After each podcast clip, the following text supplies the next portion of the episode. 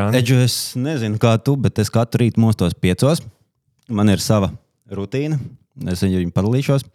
Uh, es vienmēr, tā, kad esmu pamodies piecos, es vēl trīs stundas stabili meditēju gultā, guļus pozā apmēram līdz 8, 8.30. Pēc tam es vingroju, veicot atspūles skrējienu līdz uh, vannas istabai un atpakaļ. Uh, tur es druskuļi to kardio iegūstu. divi metri turp un apakaļ. Man ļoti maziņš dzīvoklis, jā. Un man ir arī ļoti strikta sejas kopšanas divu soļu programma. Vispirms es viņu noskaloju ar augstu, augstākās raudzes Rī- Sijā Rīgas ūdens produktu. Uh, augstu, tāpēc, ka man nesanāk sagaidīt, kad viņš paliks silts, jo ir tomēr 8,30 man 9 jābūt darbā. Un pēc tam es viņu susinu, kas ir svarīgi, ar uh, sausu vielu, jo ar slapi tas nepalīdz. Arī pārbaudīts no pieredzes. Un tas man ir palīdzējis nonākt tur, kur es esmu šodien. Uh, vai tā ir labākā sejas rutīna? Es nezinu, spriediet paši. Uh, Kedži, kā ir ar tevi? Nu, es nezinu, tu savos 30, cik tev 3 ir izskaties aizvien 25. Tā kā laikam kaut kas jau tur ir. Bet jā, nu šajā epizodē mūsu podkāstā uzdevums ir noskaidrot, kā saglabāt mūžīgo jaunību. Un, uh, ir tas teiciens, ne, ka visi grib dzīvot ilgi, bet neviens negrib kļūt vecs. Nu, lūk. Tātad, kā saglabāt mūžīgo jaunību, bioloģiski, vai vismaz saglabāt to fasādi, lai izskatās, ka mēs esam jauni. Runāsim par dažādu soļu, sejas kopšanas rutīnām, par, par krēmiem, par uzturu, par visu, kas var palīdzēt izskatīties jaunākam un, un es nezinu, nocelt veselīgāk. Uh, Tā kā man dokuments veiklā neprasa jau kopš 16 gadu vecuma, man laikam ar šito gan netik labi kā Jānis sanāk, ka to nenovecošu. Ir daudz, to nezinu, bet Edžam patiesībā ir 17 gadi. uh, bija liela interese no uh, sociālajiem mēdījiem par tieši šo epizodi. Un uh, vislabāk patīk, ka Twitterī kāda lietotāja vārdā Lana mums rakstīja, ka viņai ir riebjās podkāsti taču par tik interesantu tēmu kā šodien. Uh, viņa klausīšoties, tā kā mēģināsim viņu nepievilt. Un, uh, mums šodien studijā ir dermatoloģija un klīnikas vadītāja Lauma Valēna. Sveiki! Labrīt. Un kā arī Pauls Stradiņš, Kliniskās universitātes slimnīcas endokrinologs Valdis Pīrāgs. Sveiki! Sveiki, es arī esmu klīnikas vadītājs. Arī klīnikas vadītājs. Mums visi, mēs redzam, šeit vienīgie neesam klīnikas vadītāji. Nē, nu, Patrik, tu varbūt nezinot, mums vada kādu klīniku, viņš tagad māja galvu. uh, jā, nu, aiziet. Kā jau teicu, visi grib dzīvot ilgi, bet negrib būt veci. Un Tad, tad, tad saruna par anti-agingu un uh, vai šie anti-aginga trendi var palīdzēt, un kur, kur tā patiesība un kas ir tikai varbūt tādi mīti. Un, uh, un ko tas vispār nozīmē anti-agings? Varbūt uh, sāksim ar uh, valdi. Jā, nu, tas ir angļu vārds, kas nozīmē pretnovecošanās. Um, nu, Anti-aging kustība visticamāk nāk no Amerikas Savienotām valstīm, kur uh, jau vairākus, man liekas, vairākus desmitus gadu ir šī prasība izskatīties pēc iespējas jaunākam, uh, neierobežot laika posmu. Un, uh, Šobrīd arī nu, galvenie pretendenti, piemēram, uz pre, valsts prezidenta amatu Savienotās valstīs, ir ap, ap 8, gandrīz 80. Tas nozīmē, ka nu, tur tas jauna, jaunības kults, šī pretnovecošanās ir ārkārtīgi svarīgi, lai, lai, lai būtu uh, panākumi dzīvē. teiksim. Nu, tas ir ieviesies arī pie mums, ne tik sen. vai ne? Un, un man liekas, ka var gaidīt tikai, ka tas pieaug šī tendence pēc iespējas ilgāk, gan izskatīties, gan justies. Jo man liekas, izskatīties un justies nevienmēr ir tas pats jaunam. Nu, tad Lauma droši vien vairāk varēs pastāstīt par to, kā izskatīties jaunam. Jā, nu, šeit diezgan precīzi profesors atzīmēja, ka izskatīties un justies. Man šķiet, ka jā, pieaugot mūsu populācijas vecumam, būtiski ir gan izskatīties, gan justies labi. Un, ir skaidrs, kāda ir unikāls orgāns ar to, ka mēs redzam visi to, to mūsu vecumu un spējam nolasīt. Un, Tāpēc arī visvairāk varbūt, tieši šī anti-aging tēma ir skārusi tās specialitātes kā dermatoloģija, kosmetoloģija, plastiskā ķirurģija. Jo tik tiešām, ja sirds novecošanos, vai muskuļu novecošanos, vai citu orgānu novecošanās procesus mēs nevaram redzēt paši, un arī citi to neredz. Tad ādas izmaiņas, kas skar vecumu, ir ļoti būtiskas un visiem pamanāmas. Un tāpēc, protams, tā industrija pēdējos 20, 30 gados ir vienkārši milzīga. Man šķiet, ka teiksim, viss tas profils, kas ir estētiskā dermatoloģija, tas ir tiešām nu, tas, kas ir ļoti, ļoti audzis. Nerunājot par kosmetoloģiju, par kosmētisko līdzekļu industriju, kas tiešām ir milzīgs tirgus. Tāpēc noteikti ir svarīgi saprast, ja, kā tad tiešām mēs tikai ārīgi iedarbojoties ar krēmu, vai kādu noteiktu procedūru palīdzību varam paildzināt savu šo te, uh, jaunību, jo tas mūžīgais grāls tas ir vienmēr bijis visos laikos. Uh, uh, Tie meklējumi ir un turpinās, un tā būs vienmēr. Bet uh, es vienmēr saviem pacientiem gribu uzsvērt to, ka tiešām mm, mēs svarīgi ir izskatīties jauniem, bet tas sākas ar to, tā piramīda ir jābūvē no pareiziem pamatiem, kas ir eh, dzīvesveids, uzturs, eh, tiešām ikdienas rutīna, par ko jūs eh, sākumā jau runājāt.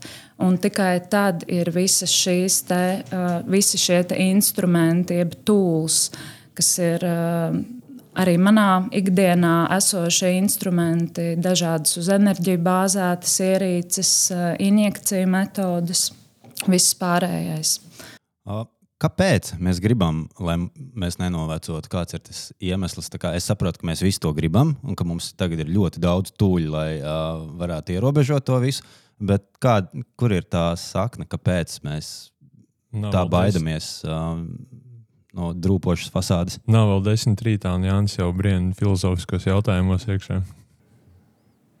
Tas Jā, tiešām tas ir, ir dziļi filozofisks jautājums. Es domāju, tas ir vesela cita podkāsta temats, un noteikti tur būtu jāpiesaista uh, smalkāku matēriju, uh, darboņi. Bet jūsu personīgais skatījums? Man jāpadomā. Sakiet, nu, tad, tad es, es, es varbūt teikšu, nu, īstenībā jau jauniešiem ir tā bailes novecot. Novecojoties dabiski, tas samazinās tās bailes. Tā ir arī mana pieredze. Bet jautājums, kā būt sekmīgam, un kā parādīt visiem, ka tu esi vitāls, vēl ar vienu sparīgs, ka tevi ir jānovērtē vēl ar vienu. Un, tas, kas agrāk bija 60 gadi jau pensija un, un, un cauri? Omīte ar lakatiņu vai ne? Ej atpūties, ej makšķerē apmēram. Tā, tas, tas vairs nav. Īstenībā mūsdienu dzīvesveids ir sevišķi tāpēc, ka samazinās dzimstība, prasa, lai cilvēka mūžs būtu produktīvs un, un garš. Jūs redzat, kā pensijas vecums Latvijā ir palielinājies un turpinās droši vien vismaz līdz 70 gadiem, kad jūs abi varbūt sasniegsiet. Varbūt jau būs 80 gadu vecums. Varbūt Pensija. sasniegsiet. Tas skanēja pēc draudiem. Tas pēc draudiem. Skatīsimies, kā mums šodien ies podkāstā. jūs eh, gribēsiet eh, šo enerģiju, kas jums ir tagad saglabāta eh, ļoti ilgi, vai ne? Un jautājums tikai, kā to izdarīt, vai ir tehnoloģijas, kā, kā jūs teicāt, kuras, kuras ļauj to saglabāt, vai, vai tas ir neglābjami.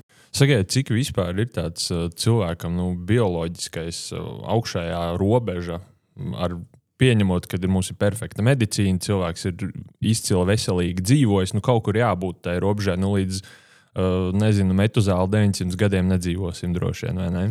Nu, visticamāk, tas nav, neatbilst realitātei. Šie ļoti ilgie dzīvotāji, ap tūkstošu gadiem, kas ir vecā derībā aprakstīti. Mm. Bet, Bet tas, kā mūsdienās var līdz vismaz līdz 120 gadiem nodzīvot, to atsevišķi piemēru pierāda. Bet, nu, ja jūs paskatītos, kāds jau cilvēks izskatās 120 gados, diez vai jūs tā gribētu. Nu, tad uh, uzreiz otrs jautājums, cik ir tas augšējais um, augšējā robeža veselīgam tādam mūžam, nu, kur cilvēks vēl ir vitāls, enerģijas pilns un var pats par sevi parūpēties. Viņš nav vienkārši seniors, kurš guļ uz gultas un gaida pēdējo stundu. Nu, redzot to vidējo vecumu, kas arī visu laiku pieaug, cilvēkiem, kas tiek ievietot mūsu Stradīnas slimnīcas manas klīnikas nodaļās, tas ir sasniedzis apmēram 70. Un, un, Vismaz līdz 70 gadiem cilvēks ir jauneklīgs, vitāls.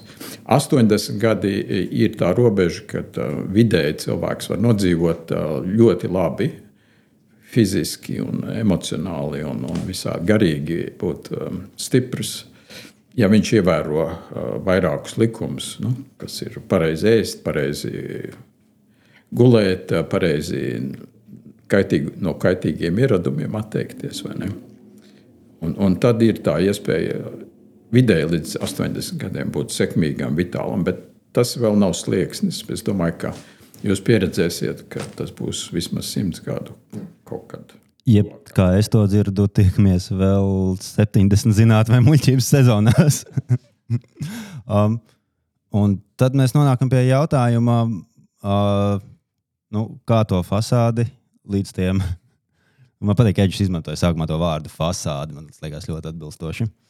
Uh, un kā mēs viņu varam uh, piešpaktelēt, lai viņi izskatītos labāk?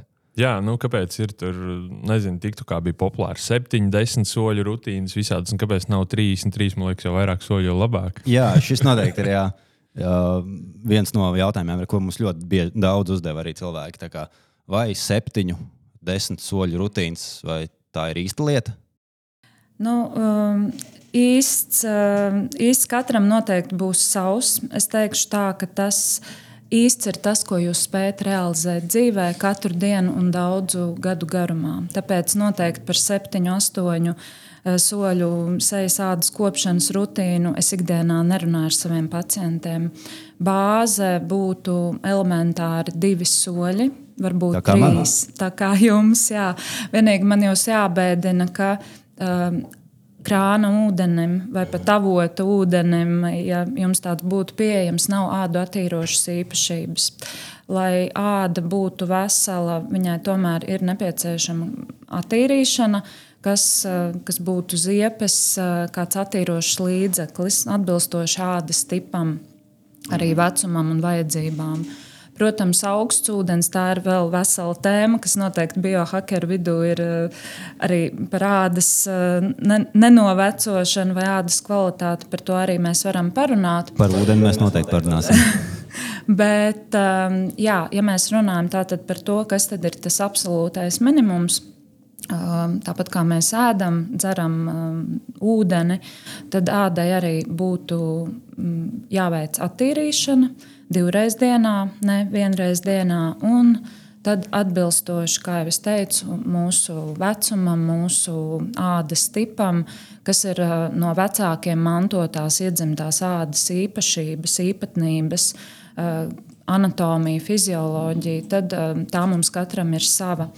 Tāpat ļoti būtiski ir tāda iedzimta ādas īpašības kā ādas fototips kas ir acu krāsa, matu krāsa un ādas krāsa. Un arī tas, kā āda spēj reaģēt uz ārējās vidas nelabvēlīgiem apstākļiem, faktoriem. Un šeit būtu jāpiemina viens no būtiskākajiem ādas novecošanās veicinātājiem, kas ir ultravioletais starojums, jeb saule. Un nu jau arī zilais starojums, ko izstaro arī jums priekšā esošie uh, datori Tāpēc noteikti, jā, ja mēs atgriežamies pie to minimumu, tā ir attīrīšana, mitrināšana un aizsardzība pret šo ārējās vidas negatīvo ietekmi. Tātad septiņu, desmit soļu programmas mēs nesakām, ka viņas pilnībā nestrādā, ja tu to ievēro katru dienu. Ja? Jā, tieši tā.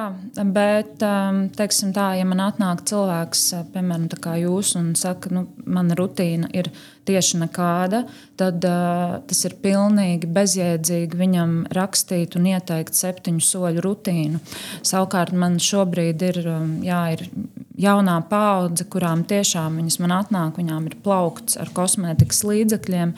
Un tad ir labi, ka mēs viņu noreducējam uz septiņiem līdzekļiem. Jo, katram skaidrs, ka 30 cilvēki, sevišķi 18 gadu vecumā, nav vajadzīgi.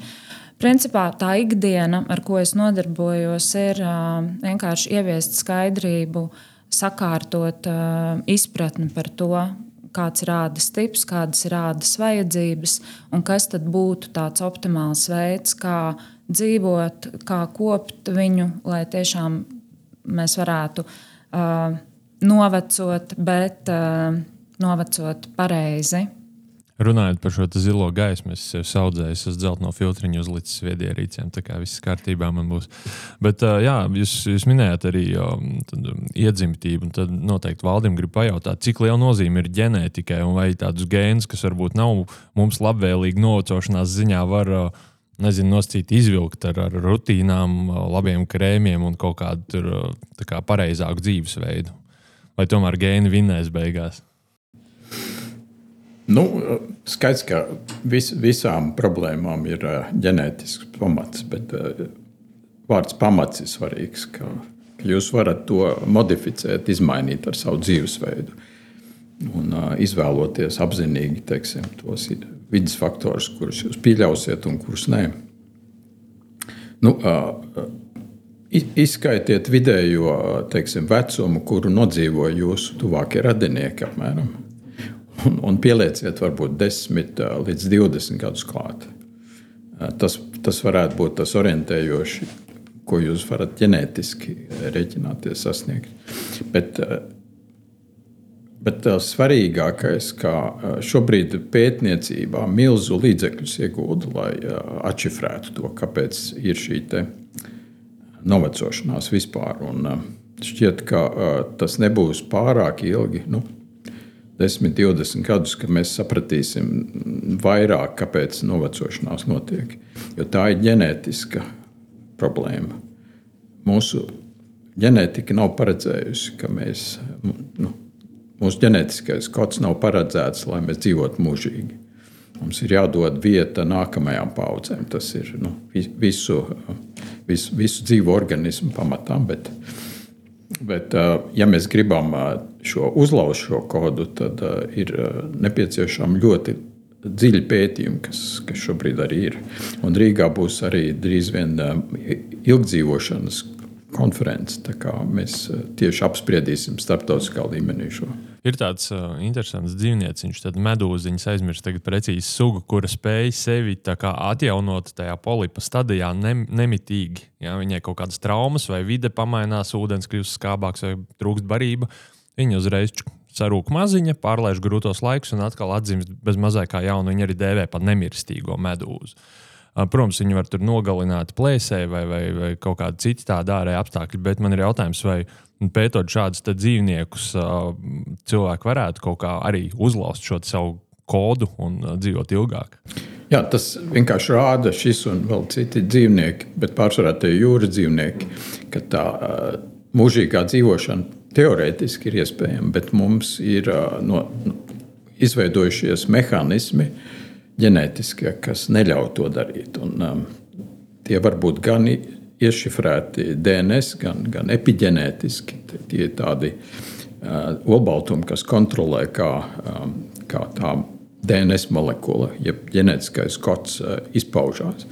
Un, ja mēs uh, varam ar dažādām manipulācijām, ar, ar, ar, ar medikamentiem, piemēram, izmainīt to, tad, tad tā dzīvošana varētu arī diezgan ilgi pavadīt pa, palielināties. Grūti prognozēt, cik ilgi, bet, bet skatīsimies. Skatīsimies. Nu, lūk, uh, atgriežamies pie jā.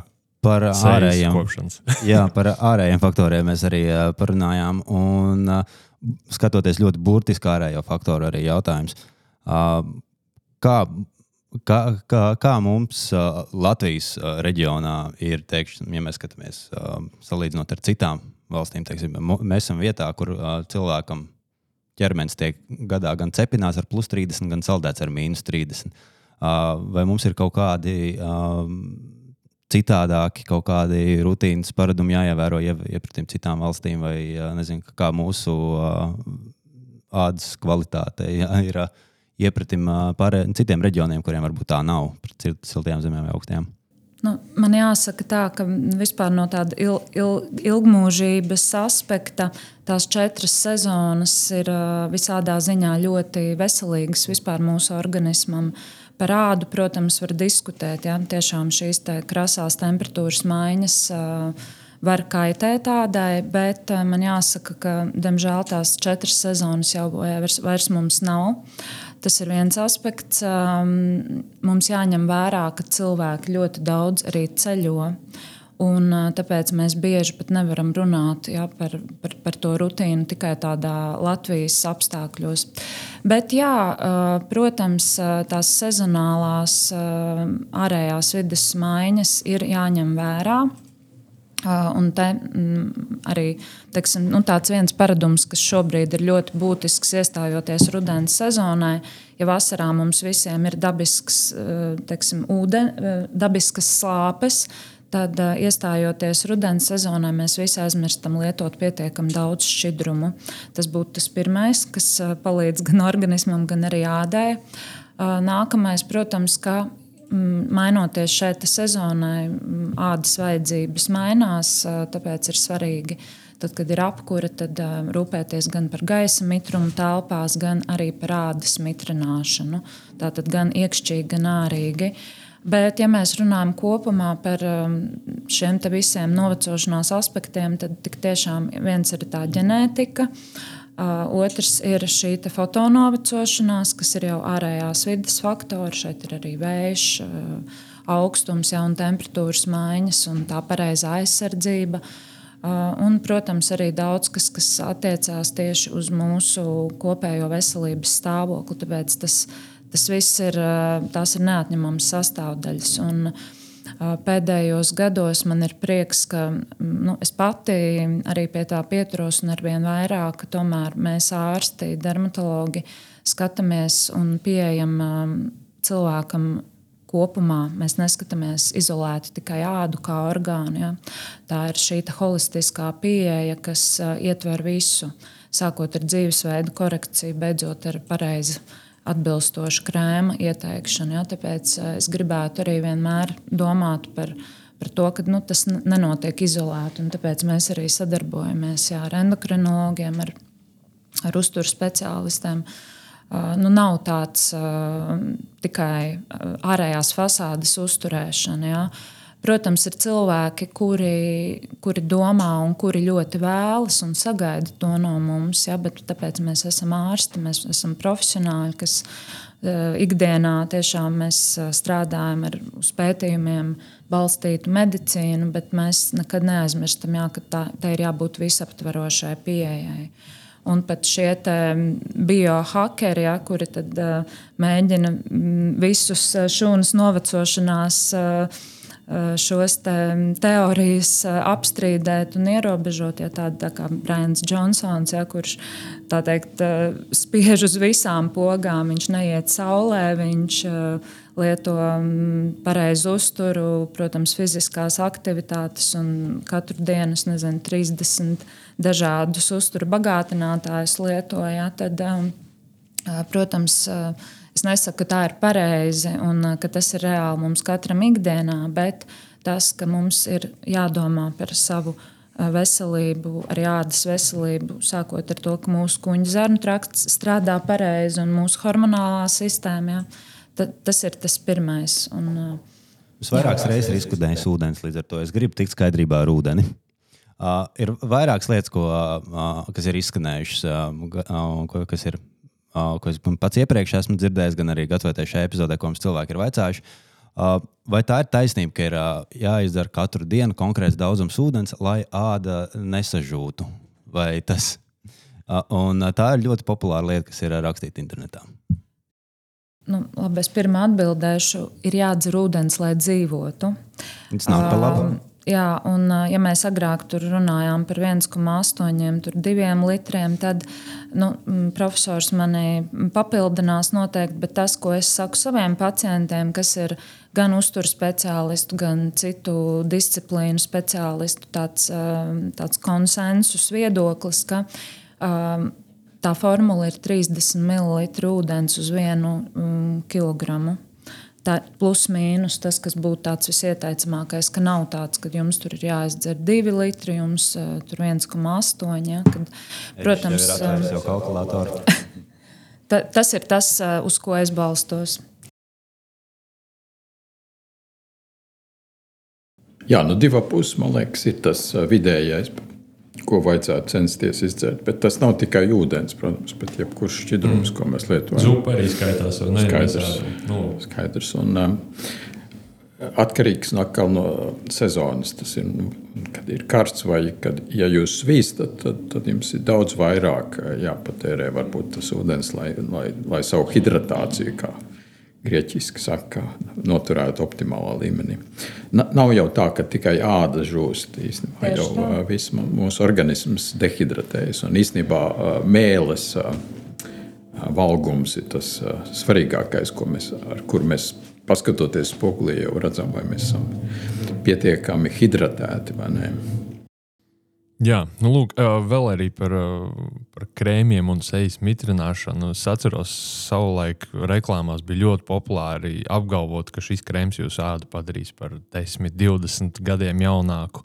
Cik ir pamatojums šādiem apgalvojumiem, cik tas ir pamatot un kā to vispār var izmērīt? Un, Ja sanāk, ja es 20 gados lietošu krēmu, kas man ādu padarīs par 20 gadiem jaunāku, tad man būs cik 0 gadus veca āda. Ja tu pēc tam izskatīsies. Jā, tur Cik, cik tie apgalvojumi ir pamatot un cik tas ir vienkārši mārketings? Mm, jā, nu, protams, ka šādi saukļi nav pamatoti. Tas ir, tas ir mārketings, tas ir bizness un tas, tas neatbilst patiesībai. Protams, mums ir ļoti spēcīgas aktīvās vielas, tādas kā retinols, dažādi vitamīni, kas spēj atgriezt ādas šūnu teiksim, jaunību un ļoti būtiski atjaunot mūsu olbaltumvielas, tādas kā kolagēns, elastīns. Bet, Protams, ka tikai ar krēma palīdzību tas nav iespējams. Ja? Tāpēc es atgriežos pie tā, ka tas viss ir jāņem kopumā. Un īstenībā jūs ar, ar šo komentāru aktualizējāt vienu ļoti tādu man, man satraucošu tendenci. Uh, kas ir jaunā paudze, kas ir TikTok paudze. Ja, kas tik tiešām man šad tad es skatos, ka līdzekļus, kas ir paredzēti nobriedušai ādai, ja, tas ir 40, 50 plus vecuma kategorija, kad šos līdzekļus lieto pat bērni. Jā, tas pats retinols. Tāpēc, tāpēc ir būtiski, ka mēs, mēs runājam par šīm svarīgajām lietām un izglītojam cilvēkus. Un, jā, man apņemšanās ir beidzot arī ieiet TikTok vidē, nevis tāpēc, ka man tas ir man nebūtu ko darīt, vai man to ļoti gribētos, bet es saprotu, ka jo vairāk mēs, speciālisti, kas tiešām ir zinoši un kas var par to runāt un cilvēkus izglītot, jo vairāk mēs aptversim šos jaunos informācijas kanālus. Mēs tomēr varēsim arī ietekmēt ja, šo jauno paudzi, kurām tik tiešām ļoti ietekmējās un, un, un kuru būtiskākais informācijas meklēšanas avots tiešām ir šie mēdīji, lai nebūtu šādas nepareizības. Um, Tāpēc viņi klausīsies šo podkāstu. Es ļoti ceru. Mm -hmm. Nu. Jā, es pilnībā piekrītu par to TikTok. Un, un, jo, nu, mans darbs ikdienā pamatā ir saistīts ar sociālajiem medijiem. Un, un es pilnībā piekrītu tai tēzē, ka, nu, ja, ja tev ir populāra un pieprasīta platforma, kurā neizbēgama tā auditorija ir, tad uh, nu, tu izdari tādu ļoti lielu lāču pakalpojumu, tur nesot. Jo, ja kamēr tu tur nerunās, tikmēr tur runās citi cilvēki. Un varbūt tas, ko tie citi stā, stāstīs, būs tas, ka mums vajag uz sejas smērēt, nezinu, skābi. Nu, diemžēl tā tendence ir tāda, ka šobrīd uh, par pareizu dzīvesveidu, par to, jā, kas ir jāēd, kas ir jādzer un kā ir jākopja āda, runā visi. Uh, kam ir izglītība attiecīgā un zināšanas, un kam nav. Un, tāpēc, jā, tāpēc es domāju, mums ārstiem un, un, un šeit sabiedrībai, kas ir nu, spējīgi un, un, un var adekvāti par to runāt, kad mums ir ir jākļūst pieejamākiem. Nevis tikai varbūt savos šajos zinātniskajos un akadēmiskajos, akadēmiskajā vidē.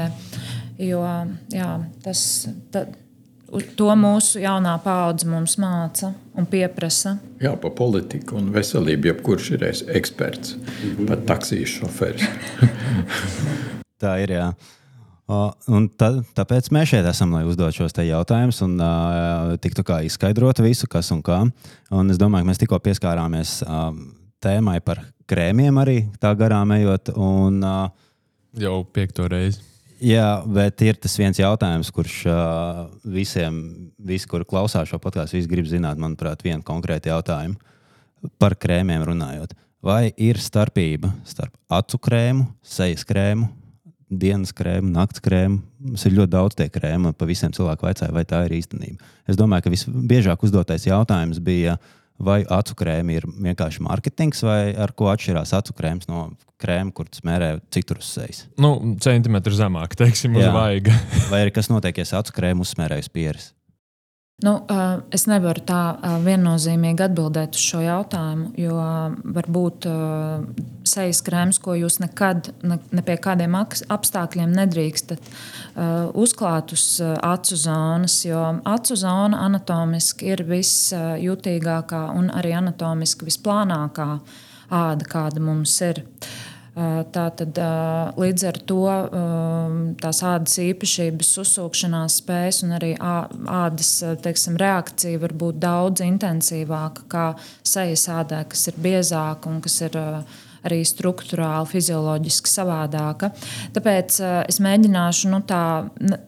Nav tā, ka uh, visi acu krēmi uh, nu, respektīvi, acu krēms tomēr atšķirās no sejas krēma. Jā, parasti acu krēms gan pēc konsistences, gan pēc šīm sensorām īpašībām ir savādāks. Viņš var būt vieglāks, plānāks, un viņš parasti arī ir ar savādāku aktīvo vielu koncentrāciju kā sejas krēmam. Ja? Bet uh, viennozīmīgi uz, nu, es nevaru pateikt, jā, ka visi sejas krēmi nav piemēroti acu zonai, tad es melotu. Um, jā. Okay, ir, ir, ir tā, ka mums šo epizodu tiešām ļoti, ļoti daudz skatītāju iesūtīja jautājumus. Tāpēc, uh, lai Patriks mūs nebārtu un mēs iekļautos stundā, mēs varbūt varam doties kā, pie otrās daļas podkāstu un uh, pajautāt ekspertiem to, ko grib zināt mūsu klausītāji. Un šeit vienkārši jautājums, kurš no jums jūtas kompetents, nu, kompetenti jūs abi esat, bet kurš pirmais grib atbildēt, tas arī dod vaļā. Tā kā aiziet. Labi, es uzreiz atgriežos šo te visu pie ūdens. Tu uh, daudz runā par ūdeni, bet ļoti maz dzeres, kas man glāzīt vairāk izdzer. Tā kā varbūt mazāk vārdu, vairāk darba. Tas ir otrdienas rīts. Um, tātad uh, Lūsis Hamiltons saka, ka viņš katru rītu mazgā seju augstā ūdenī. Nu, apmēram tieši tāpat kā es. Uh, kāda būtu atšķirība, ja viņš to darītu siltā ūdenī? Vai ir starpība, vai tu mazgā ūdeni? Vai seju augstā vai siltā ūdenī? Um, nu, silts ūdens nav ādai tas pats labākais. Uh, tas ādu pastiprināti dehidratē, un augsts ūdens tiešām uh, aizver asinsvadus, ādu tonizē un aizver arī poras. Līdz ar to nu, jā, ir, ir, ir tur sāls, ka mēs vismaz to noslēdzošo daļu pabeidzam ar augsta ūdens šalti. Tad, tad tie, kas iet ziemā peldēties āliņos, šo to dara pareizi. Ja?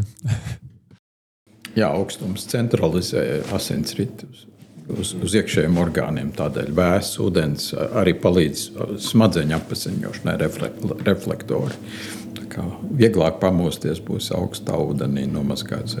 Ah, no, galā, arī... Taču arī ticējumos cilvēkiem bija jāiet no rīta avotā mazgāt ūdeni noteiktās dienās. Tad, tad nu, bija skaistums uz visu gadu. Uh, Un tad tur arī mēs atrisinām jautājumu par to, vai augstas dušas no rīta ir vienkārši krāpšana vai taisnība. Tas ir taisnība.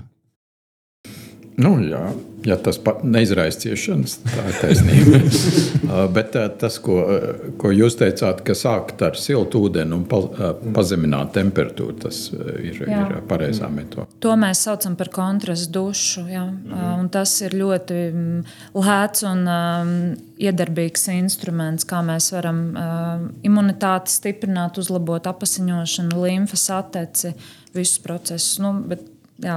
Un augsts ūdens, protams, āliņš, tas ir, ir cita tēma. Un šim uzreiz vēl čupā piesviedīsim jautājumu par uh, Japāņiem un Korejiešiem, kur ieviesuši metodi, kur viņi mazgā ūdeni, uh, seju. Uh, mēs visu laiku gribam mazgāt ūdeni šajā podkāstā. Tu vienreiz pateici, es vienreiz pateicu, visu laiku mazgājam ūdeni kaut kur. Uh, uh, mazgā seju gāzētā ūdenī, jo tas palīdzot attīrīt porus. Viņiem arī ir uh, kaut kādas spā metodas ar šo jautājumu. Un, vai gāzēts ūdens arī varētu būt atbilde uh, mūžīgajai jaunībai? Nu, nav tādu man pieejamu un zināmu zinātnisko datu.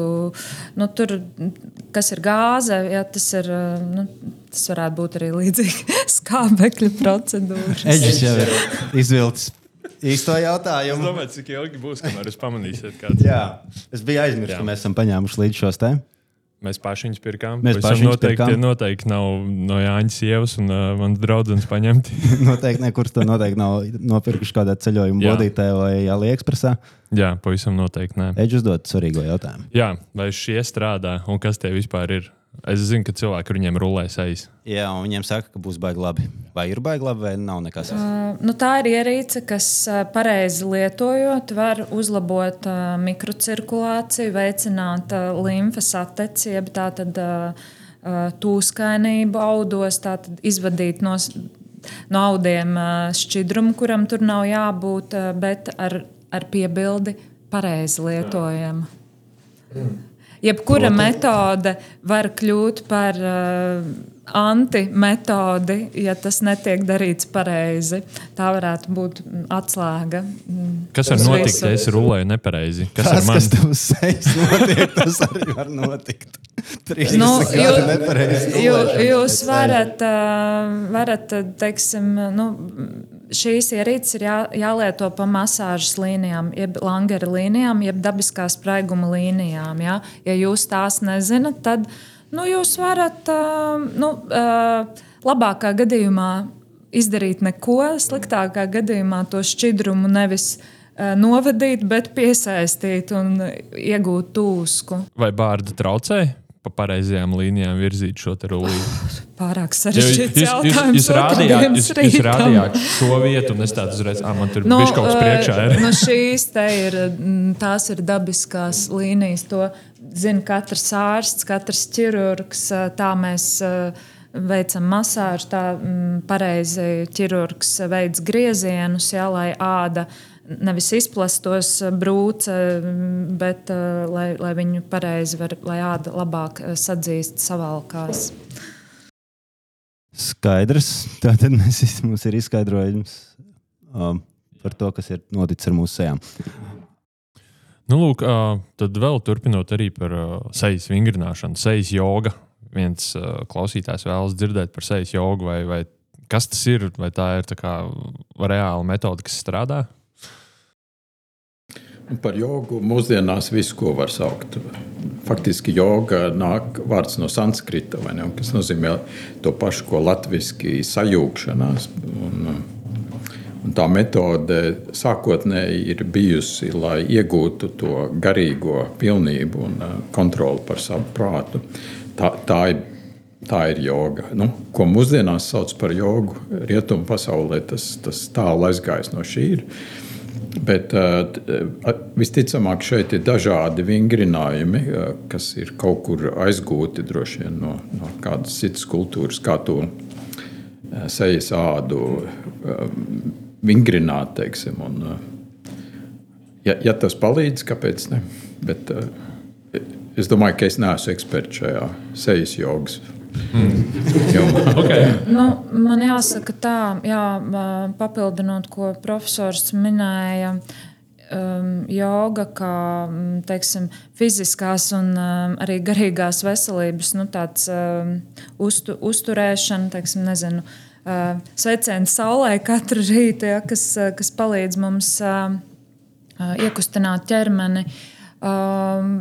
Es, ne, es nevaru teikt un apgalvot, ka izolēta sejas joga palīdzēs jums iedarboties uz visiem tiem novecošanas mehānismiem. Bet, protams, kā atbalsta tāds atbalsts tas var būt. Bet sāksim ar to, ka novecošanās un teiksim, nezinu, sejas ovāla izmaiņas sākās ar nepareizu stāju, ar piespiedu pozām ikdienā. Kāpēc ir tik būtiski mums visiem sēdoša? Sēdošu darbu darītājiem jā, ir, ir vienkārši jāstrādā ar savu ķermeni. Jā, nevis tikai jādomā par sejas jogu. Nu, es varbūt tā rezumē varu pateikt. Vai kolagēna uzturu bagātinātāji reāli strādā? Tāds mums ļoti konkrēts jautājums ir ienācies. Nu, kolagēns ir obaltums. Tas nozīmē, ka apēdot to kolagēnu, viņš lielā mērā mūsu gramošanas traktā sadalās par sastāvdaļām. Tā kā es to ēšanu, kolagēna diez vai atbalstītu. Nu, bez, tam, bez tam jūs nevarat neēst kolagēnu, ja jūs neesat vegetārietis. Jūs jebkurā dzīvnieku izcelsmes uzturlīdzeklī ir kolagēns. Tā kā īpaši vēl klāt kaut ko ēst, es domāju, nav jēgas. Cits jautājums par lokālu kolagēnu ievadi vai, vai aplikācijām. Tas, tas man liekas iedzīgāk. Nu, man laikam mazliet viedoklis atšķirās, bet sāksim ar to, jā, tātad uh, kolagēns un elastīns ir būtiski mūsu ādā esoši olbaltumi, uh, kas mums dod saturu. Tas ir mūsu ādas skelets. Un būtiskākais ir tas, lai mēs uzturētu šo skeletu veselu, tāpat kā mūsu balsts un kustība aparātu, locītavas un visu pārējo. Tad pirmkārt ir jābūt pilnvērtīgam uzturam, kas satur pietiekamu olbaltumvielu daudzumu. Un nav jēga ēst salātus, salātlapes un lietot kolagēnu peptīdus uzturu bagātinātāju formā, ja jūs ar uzturu neuzņemat pietiekamu proteīnu vai olbaltumvielu daudzumu.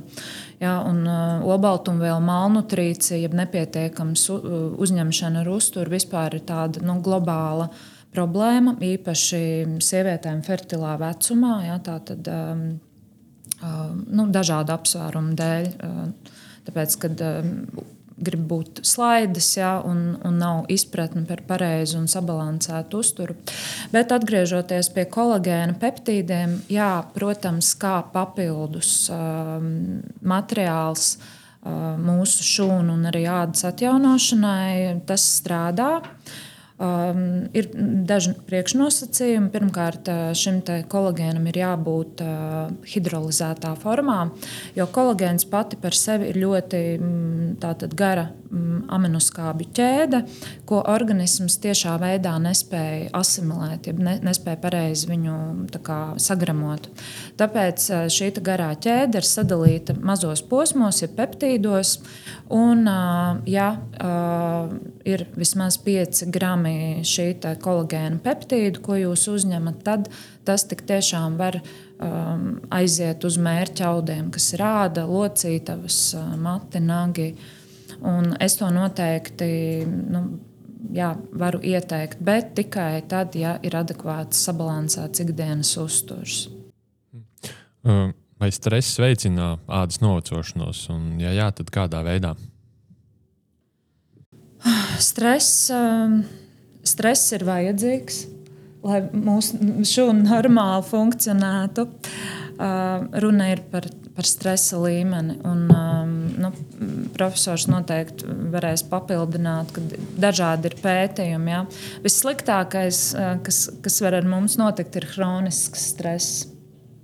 Ja, bet, uh, nu, šeit um, varbūt mēs kopumā varam parunāt par stresu, un tad es varu tā atsevišķi parādu un stresu. Jā, stress ir endokrinoloģisks fenomens.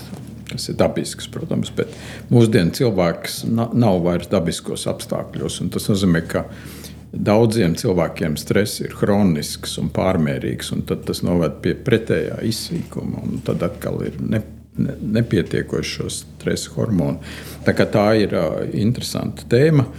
Bet uh, par uh, stresa tiešo iedarbību, nu, ja tas ir kroniski, tad vienkārši āda kļūst plānāka. Jo, jo, un, un uzkrājas vairāk taukaudu, ja stress ir liels. Un, un ja ceļš, ja tas vēl klāta ar neveselīgu uzturu kombinējās, tad, tad izveidojas šie uh, smagie cilvēki, apaļie cilvēki ar plānu ādu. Un, un, un plāna āda, protams, ir vairāk noveco.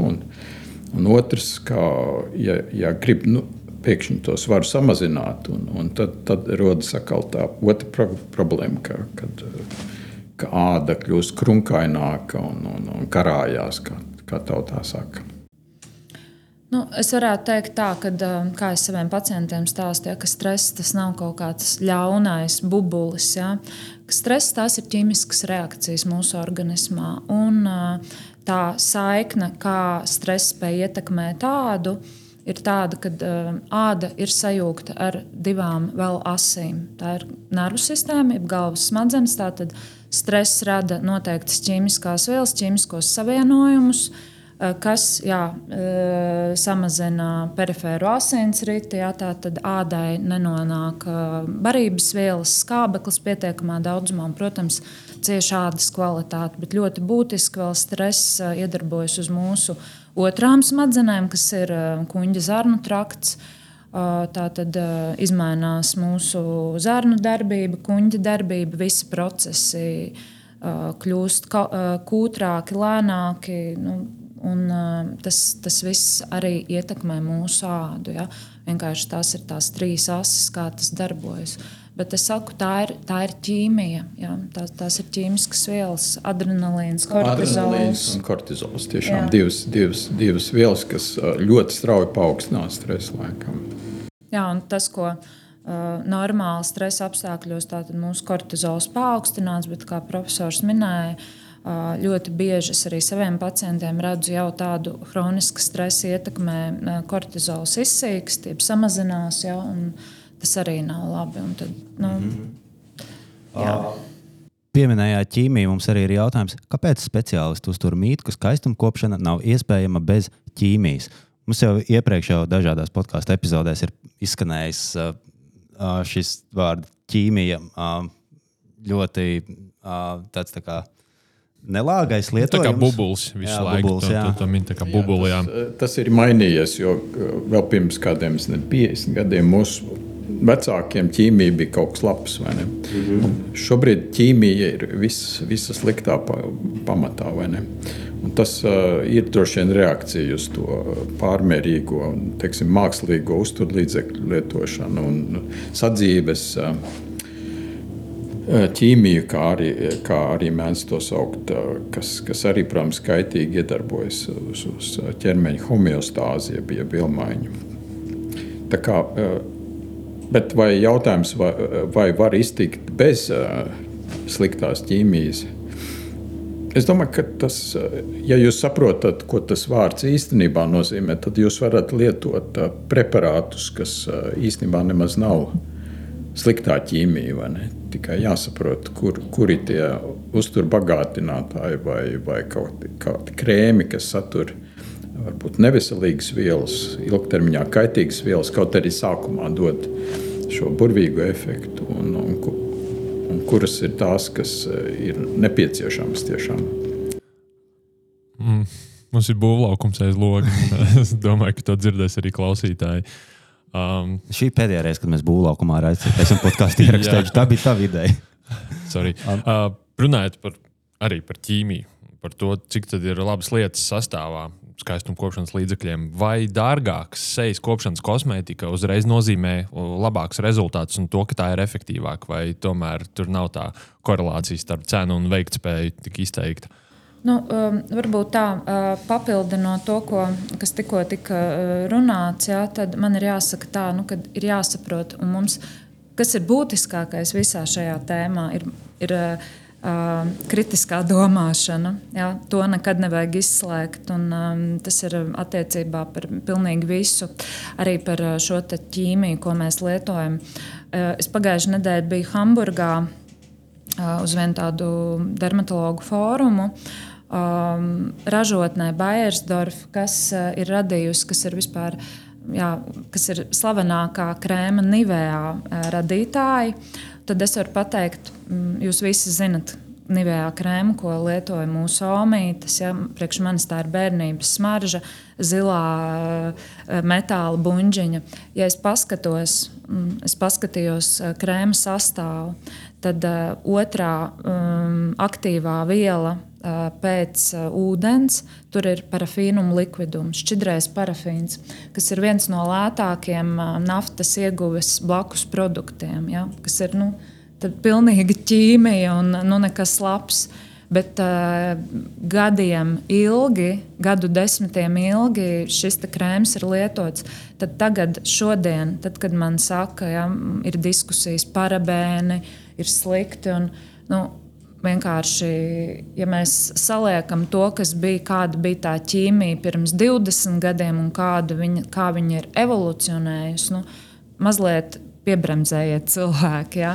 Ehm, kā jau saku, ekokosmētika un eko tas arī ir bizness, un to nekad nevajag aizmirst. Ja? Un, uh, skaidrs, ka būtu jāuzklāj uz mūsu ādas uh, simtiem kilogramu krēma, lai tas tik tiešām spētu nu, tā būtiski mūsu šo DNS, ja mūsu šūnu kodolu ietekmēt. Ja? Un, un, un, un tāpēc jā, tas ir par to kaitīgumu.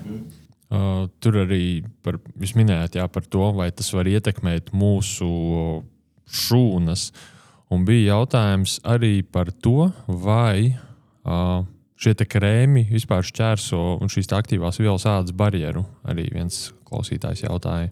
Jā, tas ir ļoti labs un aktuāls jautājums. Protams, ka uh, ir speciālas tehnoloģijas, nanosomu, liposomu tehnoloģijas, ar kuru palīdzību, kas ir transporta mehānisms, lai uh, tiešām šīs aktīvās vielas uh, nonāk ādas dziļumā. Bet ir jāsaprot, uh, ka katram krēmam ir sava funkcija. Uh, Un ne visu krēmu funkcija ir nonākt kaut kur dziļāk. Ja, bet ir krēms bieži strādā kā barjera, kas palīdz Tātad nogludina ādas virskārtas šūnas, aizsargā ādu no transepidermālā mm, ūdens zuduma. Ja? Tātad, atgriežoties pie ūdens tēmas. Tāpēc, tā, tāpēc nu, tas, ir, tas ir atkal par to varētu stundu tikai par šo tēmu runāt. Bet atbildot uz jautājumu, vai dārgāks vai lētāks krēms, kas strādā, arī viennozīmīgas atbildes nav skaidrs. Ka, uh, Uh, ir labi un efektīvi krēmi masmārketā. Uh, skaidrs, ka protams, uh, tāda aktīvo vielu koncentrācija, kāda var būt profesionālā krēmā, to masmārketam ir grūti sasniegt. Ja? Uh, tāpēc tas viss ir relatīvs. Uh, kā jau saku, vienmēr pirmkārt ir jāsaprot, kas ir tas, ko jūs varat atļauties, ja? kurš ir tas segments kāda ir jūsu pārliecība. Ja jūs esat zaļi domājoši, tad, tad ir skaidrs, kas ir tas segments, kas ir jums. Un pēc tam jau izējot no vecuma un ādas uh, vajadzībām. Jā. Bet to, ka krēms uh, padarīs mūs desmit gadus jaunāku, jā, nu, tas ir nu, tā, tā, tāda nav krēma funkcija. Jānis ir sabijies no parabēniem, kas arī šeit izskanēja. Varbūt, uh, Jā, es esmu ļoti nobijies no parabēniem. kas, kas tie ir un, un, un kāpēc cilvēki bažījās par parabēniem līdzekļu sastāvā? Uh, parabēni ir um, viela, kas ir konservants, kas palīdz uh, krēmam saglabāt viņa, uh, viņa fizikālo struktūru. Uh, nebojāties un kas ir absolūti vajadzīga. Bet, protams, zināmā koncentrācijā un daudzumā nonākot uz mūsu ādas, var veicināt nu, dažādus arī kancerogēnus, jeb vēža attīstības procesus. Ir tādi pētījumi. Jā. Bet tur arī droši vien ļoti daudz ir šie līdzekļi jāpatērē. Oh, tieši tā. Jā, tāpēc, eh, protams, ka mm, tā, tā, tas mērķis ir pēc iespējas dabiskākas eh, šīs arī konservējošās vielas, bet ko es gribu pateikt par dabiskām lietām, par eko, tad um, viss, kas ir dabisks, var būt ļoti alerģisks. Jā. Par to mēs arī nevaram aizmirst. Un tas alerģi, alerģija, kas ir tāpat kā aptaukošanās, mūsu gadsimta pandēmija, ja, par to mēs arī nevaram aizmirst. Tur šie līdzekļi, kuros nav šīs vielas, kas uh, saglabā viņas ilgstoši, varbūt tād, tādā stāvoklī, kādām tām ir jābūt, uh, var nozīmēt to, ka eko līdzekļi ātrāk sabojājas. Varbūt. Jā, protams. Jā. Tas ir varbūt pat kaitīgāk beigās nekā tas parabēns. Nu, ja jūs lietojat vecu krēmu, ekokrēmu, tad, um, tad, protams, tas var um, radīt negatīvas uh, sekas. Jā. Klausītājs parakstoties, kā Edžus M. raksta, jocīgi, vai pret celulīta krēmu strādā?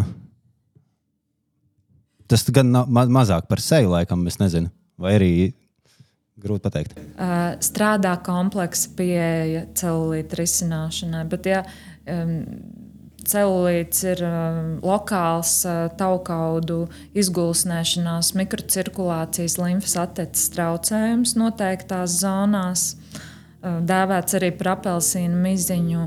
Un, protams, ir krēmi ar termoefektu, ja, kas var uzlabot apziņošanu. To sastāvā ir sarkanais pipars, piemēram, ja, kā ienas pipari un, un dažādas citas aktīvās vielas, vai tieši otrādi ar šo augstuma efektu.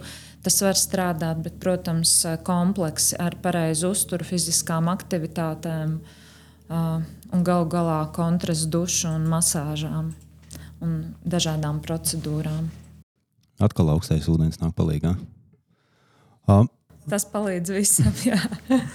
Sakiet, Valde, vai mūsdienu medicīnas attīstība šajā antiēģu sfērā var pārspēt to kopumu no ārējiem negatīviem faktoriem, kas strādā pret mums, gaisa piesārņojumus, ultravioletā radiācija no saules un tā tālāk? Vai, vai varam tikt efektīvi galā ar šo visu, kas mums mēģina uzbrukt un padarīt mūs vecākus? Nu jā, kā jau minēju, sākumā par to ir šobrīd ļoti daudz pētījumu. Un, tie visi saucamie riska kapitālisti ir metušies, lai ieguldītu naudu tieši šajā anti-aging mm, pētniecībā. Tādēļ, nu, es domāju, drīz tas sasniegs apmēram vēža pētniecības jau investīcijas. Kā, bagātie cilvēki mūsdienās ļoti daudz gribētu sadzirdēt no un arī iegūt nopērkamus ikdienā lietojamus preparātus, kas būtu novecošanos aizkavējoši. Un ja pirms, nezinu, pirms desmit gadiem varētu teikt, ka tas bija vairāk, vairāk vai mazāk tāds nu, burbulis, visas tās pretnovecošanās zāles. Tad, tad šobrīd vairs tā nav. Ir, ir nopietni, nopietni pētījumi, nopietna, nopietna industrija zem tā visa. Un, skaidrs, ka tam ir jādod agri vai vēlu efekts. Mēs varam ticēt un cerēt, ka, ka tas tiks sasniegts tas brīdis, kad mēs varēsim lietot preparātu, zinot, ka viņi aizkavē. Bet novecošanos. Bet ir jau arī mūsdienās tādi veci no augiem savā laikā iegūti 20. gadsimta vidū preparāti, kas, piemēram, strādā. Piemēram, metformīns, kas ir priekš otrā tipa diabēta paredzēts, viņš arī pret novecošanos, pret vēža risku, pret aptaukošanos. Un, tas pamats ir, ka, ka tas darbojas uz visām šūnām, uz viņu enerģijas metabolismu tas nozīmē uz tā saucamiem mitohondrijiem, kavējot to, to teiksim, enerģijas apriti, un, un šūnas var ilgāk saglabāties. Mm, jo izrādās, ka, ka ātri novecojošas šūnas tieši ģenerē šos kaitīgos faktorus. Tā kā ne tikai uh, diabēta pacientiem būtu labs metformīns, bet arī ir, ir, ir citi līdzekļi. Tas pats Meldonijas Latvijā arī ir ar dažiem, dažām anti-aging īpašībām aprakstīts. Šis ir jautājums, ko grib zināt visi bērni. Ah, nu, Vai no saldumiem metas pumps, un kāds krēms tam var palīdzēt? Ja es gribu apēst kilogramu rudzupuķus, un pēc tam nebūtu pumpains. Nu jā, ir divas zinātniski apstiprinātas uh, no uztura vielām, jeb ēdieniem, divi produkti, kuri pilnīgi noteikti veicina visu ādas iekaisīgo slimību attīstību un uztur šo iekaisumu. Tas ir mūsu mīļākais cukuriņš. Garšo mums, garšo arī baktērijām, un tas ir govs piens, ja mēs runājam par, par akni, jeb par pinnēm. Uh, Jā, tas, tas ir tas. Agrāk bija daudz dažādu pētījumu par šokolādi, ja, par dažādām tām kombinācijām. Bet, principā, šīs pēdējos gados tās ir divas tādas pamatlietas. Nu, Govs piens vispār pieaugušam cilvēkam, respektīvi cilvēkam, kas ir sasniedzis gadu vecumu, nav ieteicams. Jā, tur ir div, divas komponentes. Viena ir tiešām šī alerģiskā komponente, kas izpaužās kā niezoši izsitumi. Un tad otra ir pusauģiem galvenokārt pinnes, jeb akne, kas, kas ir dēļ īstenībā to pašu dzimumu hormonu sistēmas nestabilitātes dēļ. Lielākajai daļai, protams, tās pinnes arī beidzās pēc pubertātes un pārējais vecuma beigām, bet dažiem saglabājas ilgāk. Nu, tas ir izskaidrojams ar to, ka mm, ir aktivizējis tauku dziedzeri, un tauku dziedzers ir mana roka. Viņam ir daudz tādu taustekļu ķepiņas, jeb receptori. Un, uh, tur ir gan dzimuma hormonu mm, receptors, gan cukura receptors. Ja? Tad, kad mēs sēdamies cukuru, tad uh, asinīs cukura daudzums, ja glukozes daudzums paaugstinās. Un, uh, tā teikt, šis te tauku dziedzers, viņš saņem informāciju, ka ir aktīvam jābūt un jādarbojās. Un, un, jā. uh, mēs strauji tuvojamies beigām. Mēs jau esam viņam klāt. Mēs jau esam viņam klāt.